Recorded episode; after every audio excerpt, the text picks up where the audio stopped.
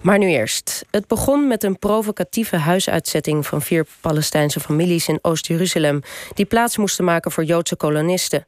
Snel daarna was de vierde Gaza-oorlog een feit. Inmiddels zijn er 232 slachtoffers aan Palestijnse kant gevallen en 12 aan Israëlische zijde. En nu is er dankzij buitenlandse diplomatieke druk een bestand. Maar betekent het bestand ook een einde aan de oorlog? En belangrijker nog, kan er ooit een duurzame vrede opvolgen? We vragen dat aan Robert Serri. Hij was van 2008 tot 2015 VN-gezant voor het vredesproces in het Midden-Oosten. En momenteel is hij speciaal adviseur bij het European Institute for Peace in Brussel. Robert Serri, welkom. Uh, ik sprak je donderdagochtend uh, vrij vroeg in de ochtend aan de telefoon. En toen zei jij, uh, er zou zomaar een bestand kunnen komen. Wist jij iets wat wij gewone burgers nog niet zagen als voormalig gezant? Nee, het is niet zo dat ik, dat ik mijn opvolger in, in Jeruzalem heb gebeld van ik heb voorspeld dat, uh, aan de media dat uh, het uh, vanavond afgelopen moet zijn. Regel dat even. Nee. kijk jij met andere ogen? Zie je ja, misschien aan kleine natuurlijk, dingen? Dat wilde ik ook zeggen. Kijk, als je zelf die oorlog drie keer eerder hebt meegemaakt... dan ga je zo'n oorlog ook wel lezen. En er waren dus wel hele duidelijke aanwijzingen voor mij... dat deze overigens verschrikkelijke oorlog niet, niet veel langer meer zou duren. Het was niet gekomen tot een, bijvoorbeeld tot een grondoorlog. Waarom duurde het zo lang? In 2014. Dat toen zat jij er, hè? Ja, toen zat ik er. Uh, dat was omdat na zo'n dag of zeven uh, de grondoorlog begon. En toen heeft het uh, bijna zes weken geduurd... voordat die oorlog tot een einde kon komen. Ja, we, we gaan straks nog, als het goed is, nog even of even, toch proberen te ontdekken hoe het nu verder ja. moet. Maar zo'n bestand, even heel kort, stemt het je hoopvol dat het zo relatief snel is gesloten? Is, de, is dat een nou, ik denk teken? dat hoopvol niet het goede woord is voor, voor mijn gevoelens. Ik ben natuurlijk wel heel erg opgelucht dat het, uh, dat het relatief snel is opgehouden. Maar uh, u moet zich wel realiseren, dit is een hele intensieve oorlog geweest... met uh, 4.500 raketten die door Hamas zijn afgevuurd op Israël.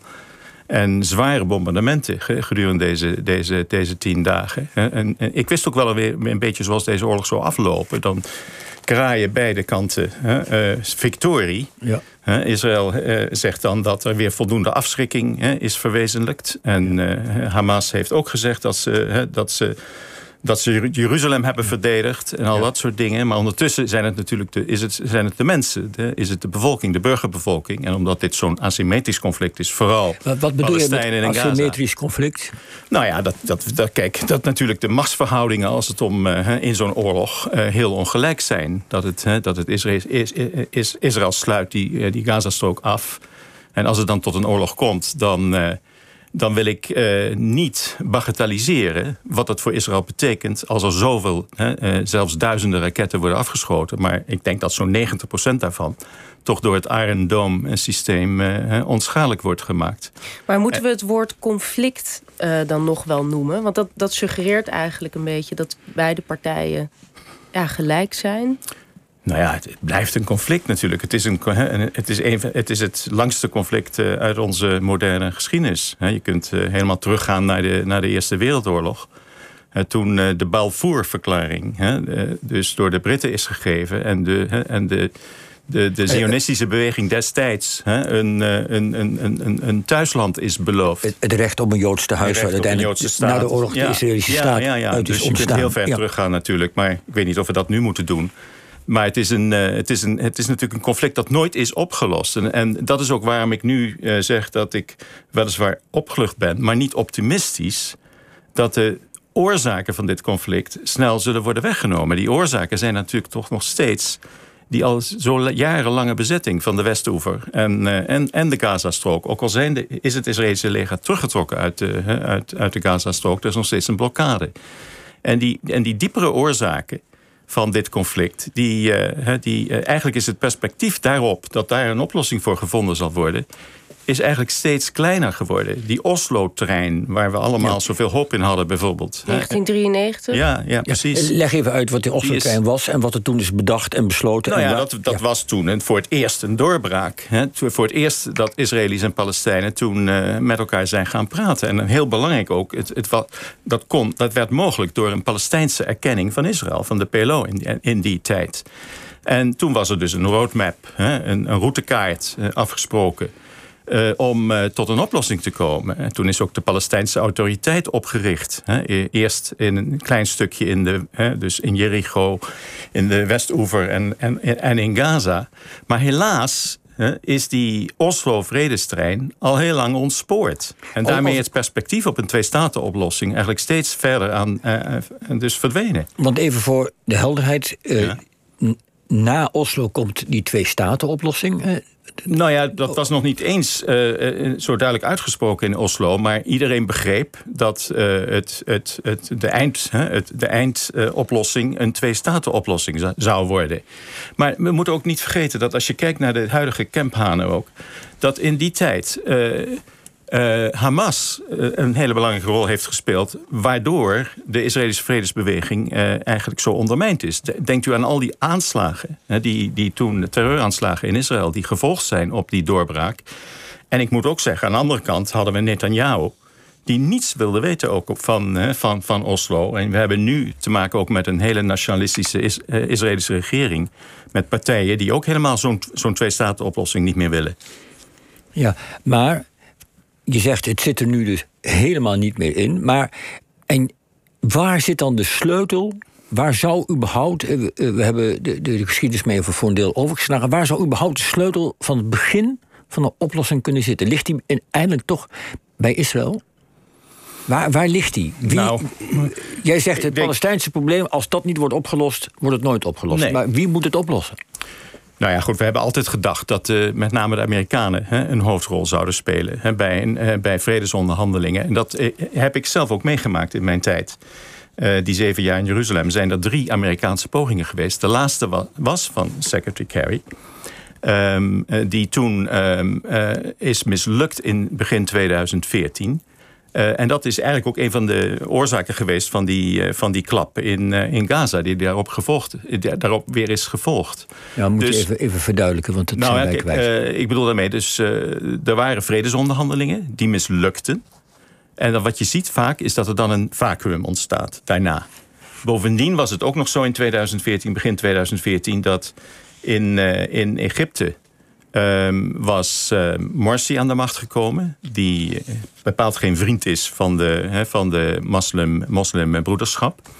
Waardoor ook uh, de, alle, uh, dus plotseling de grenzen met Egypte werden gesloten waardoor er een implosie dreigde in, eh, in, in Gaza. Dat zijn eigenlijk de diepere oorzaken van, het, van die derde oorlog geweest. Ja, dat, dat eigenlijk de, ja. Palestijnse bevolking helemaal opgesloten ja, zit. precies. Eh, hoe, hoe was het dan voor jou als gezant, als vredesgezant mm daar te zitten? Werd je wanhopig als je het allemaal meemaakte? Had je het gevoel dat je überhaupt iets kon doen? Nou ja, kijk, um, je mag nooit de hoop opgeven als een vredesgezant. Dan kun je maar beter gewoon een, een, een, een ticket naar huis nemen. Dus dat, uh, dat, laat dat duidelijk zijn. Maar het is inderdaad zo dat ik... Nou ja, ik ben dus wel voor de VN betrokken geweest... bij, bij drie serieuze Amerikaanse vredespogingen. Maar die zijn allemaal dus mislukt. Dus wat dat betreft was het inderdaad een hele frustrerende ervaring. Maar tijdens een oorlog um, is het juist de VN vaak... die, die weer een belangrijke rol gaat spelen omdat wij uh, ook in Gaza zitten en dus ook contacten hebben met Hamas. En uh, ja, uiteindelijk heeft ook Israël er baat bij in een oorlogssituatie dat er contacten zijn met Hamas. Want anders kun je die oorlog ook niet beëindigen. Nou, maar laten we er toch even, even een paar even bij stilstaan. Je zegt er zijn contacten. Ja. 2014. Als, ik, als ik het goed heb, was het in 2014 nog altijd zo dat je sprak niet met terroristen. dat was een soort internationale regel. Je sprak niet met terroristen. Ja, dat heb ik dus doorbroken. Hoe hebben jullie, ja, je zegt dat heb ik doorbroken. Hoe heb je dat gedaan dan? Nou, dat was best een risico dat ik weer nam op, in die tijd. Ik had ook toen weer een ticket uh, naar huis kunnen krijgen. Het was ook niet zo dat ik echt de, de toestemming had destijds van de secretaris-generaal om te doen. Maar ik vond dat een VN-gezant zijn rol niet kon spelen als je niet contacten onderhoudt met, met alle partijen. Dat betekent niet dat de VN uh, Hamas dan erkent. Nee, helemaal niet. Maar we zaten in, uh, in Gaza met een hele grote operatie. UNWA, eh, de, de vluchtelingenorganisatie, runt daar allemaal scholen. Dus ook voor onze veiligheid was het noodzakelijk om, om contacten te hebben met Hamas. Weet u dat nu niemand zich er meer druk om, om maakt dat mijn opvolgers contacten hebben met Hamas? Ja, dus, dus, ik denk dat ik wat dat betreft toch wel... een, ik heb de kastanjes uit het vuur gehaald, zo ja, gezegd. Een steen, op zijn minst een steentje bij ja, ja, dragen. Precies. Ja, maar het was ook meer. Hè? Dus, want dat betekent ook dat de Israëlische generaals naar je toe komen... tijdens zo'n oorlog en een, en een staakt het vuren willen, willen afspreken... dan weten ze dat je daar een rol in kunt spelen. Juist. Ik kan daar een voorbeeld dus van geven als u wilt. Stille diplomatie eigenlijk. Dat is, ja, precies. Dat is wat er ook nu weer. Hè, kijk, eh, bijvoorbeeld in die, in die, in die uh, Gaza, de derde Gaza-oorlog, uh, kreeg ik na dag vijf een uitnodiging van de, een Israëlische generaal om naar hem toe te komen. En toen kreeg ik te horen dat Israël wel een bestand wilde, een humanitair bestand van vijf uur, om te zien of dat zou werken. Uh, men wilde overigens niet uh, dat uh, Israël dat zelf de initiatief toch zou nemen. Hier kunt u trouwens zien dat de pers soms een belangrijke rol speelt. Want ik werd gevraagd om snel naar een Israëlische tv-studio te gaan. Om als de VN een oproep te doen aan beide zijden om, om, om, om dat bestand tot stand te brengen. Zo is het ook gebeurd. En dat heeft met de status van de VN te maken met de positie die je inneemt. Je bent onafhankelijk, je bent een ja, nou, je bent, ja, je bent je, dat, precies. Dat, dat, dat, dat, dat moet je opbouwen. Als, en dat moet je opbouwen en dat kost zorgvuldigheid, dat kost veel onzichtbaar werk, dat kost tijd en dat, daar moet je dus in investeren. Nu, nu sprak ik je ook aan de telefoon en toen zei je van we gaan toch niet meemaken dat we. Hmm voor de derde of vierde of zoveelste keer uh, eerst uh, de Gazastrook en alles plat laten bombarderen en het dan weer met Europees geld et cetera gaan opbouwen. Dan kun je natuurlijk niet anders dan dat wel doen uiteindelijk. Maar je zei er moet iets gebeuren. We kunnen niet langer zo verder gaan. Uh, en je zegt Europa heeft ook een rol. Wat zou Europa dan moeten en kunnen doen? Ja, nou allereerst, ik vind het, het wordt zo vaak over Europa gezegd, Europa is te verdeeld om een rol te kunnen spelen in dit conflict. Dat is ook wel zo. Maar zeker in zo'n situatie hè, als nu weer in Gaza... vind ik dat toch te gemakkelijk. Hè, om er maar vanuit te gaan dat we, dat, dat, dat we aan de zijlijn toekijken.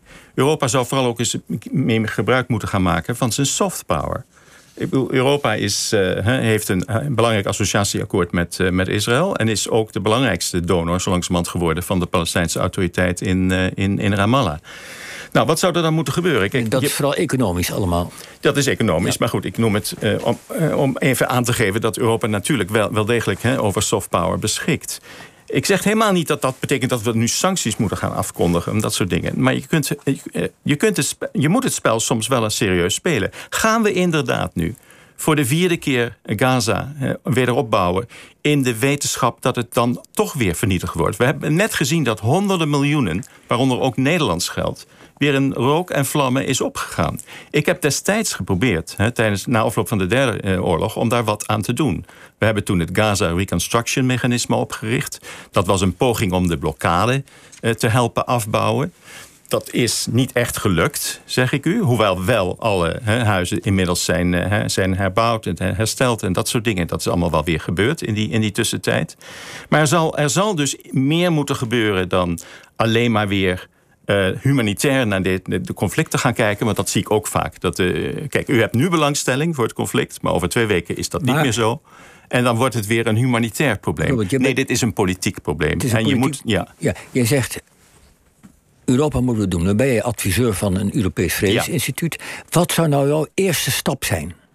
Nou, ik ben daar zelfs. Stel je voor, je zit daar en je moet wat doen. Kijk, je moet uh, als. Uh, je moet, je, het, het is, is, misschien een beetje, het gaat misschien een beetje te ver. Maar laat ik zeggen wat er moet gebeuren in ieder geval. Je moet iets doen aan die blokkade. Dat is een van de dat, dat dat, dat, dat de Palestijnen opgesloten zitten in een soort open ja, dus dat je dat mechanisme moet herzien. Want ik heb u al aangegeven dat dat niet voldoende is gebleken. En je moet ook wat doen aan die Palestijnse verdeeldheid. We kunnen niet eindeloos doorgaan met een eh, Hamas-staatje in, in Gaza. En, tot, en daar spelen ook wij geen erg uh, positieve rol, omdat het de Palestijnen vaak moeilijk wordt gemaakt om, om, om, om, om, om tot, tot verzoening te komen. Daar speelt ook Israël altijd weer een negatieve rol in. Dat moet veranderen. Dat, dat, je kunt niet op deze manier doorgaan. Als Israëli's tegen ons zeggen: we hebben geen Palestijns adres voor, voor, voor vredesgesprekken. Ja, dan moet je dus ook wel uh, de Palestijnen in staat stellen om, zich, uh, om, om weer een Palestijnse regering van nationale eenheid te vormen. Dus dat even in, in termen van hoofdpunten, dat zijn de twee zaken. Dat als die niet gaan bewegen, dan kan ik u verzekeren dat we over een onbepaalde tijd, dat weet je nooit hè, wanneer dat precies weer gebeurt, maar dat we dan weer de volgende oorlog hebben. En ik herinner me ook wat secretaris-generaal Ban Ki-moon in 2014 al tegen mij zei: Robert, are we going to rebuild Gaza in the knowledge that it will be destroyed again? Dat is toch waanzin? Zoals deze hele oorlog trouwens een waanzin is geweest. Maar goed, je zegt dus je twee hele, hele grote dingen: de Palestijnse verdeeldheid en de vanzelfsprekendheid dat Israël het gebied blokkeert en eigenlijk het leven zuur maakt. En dat moet veranderen. Ja. Hoe nou, daar heb ik wel ideeën over. En daar speel ik ook een rol in uh, via dit uh, instituut uh, voor, voor European Institute for Peace. Ik heb natuurlijk ook nog steeds mijn contacten. Maar het, het gaat te ver. En ik denk, denk ook dat het. We wachten af. Het is zo'n ingewikkeld conflict, ja, kan ik u nee, verzekeren. Het zijn kleine stappen waarschijnlijk. Het worden uiteindelijk weer kleine stappen. Ik wil ook niet optimistisch klinken. Ja. Maar wel met deze waarschuwing eindigen. Dat Nederlands geld opnieuw zal worden vernietigd als er niks gebeurt. Robert Serri, mogen we je bedanken voor je toelichting deze morgen. Dank u wel.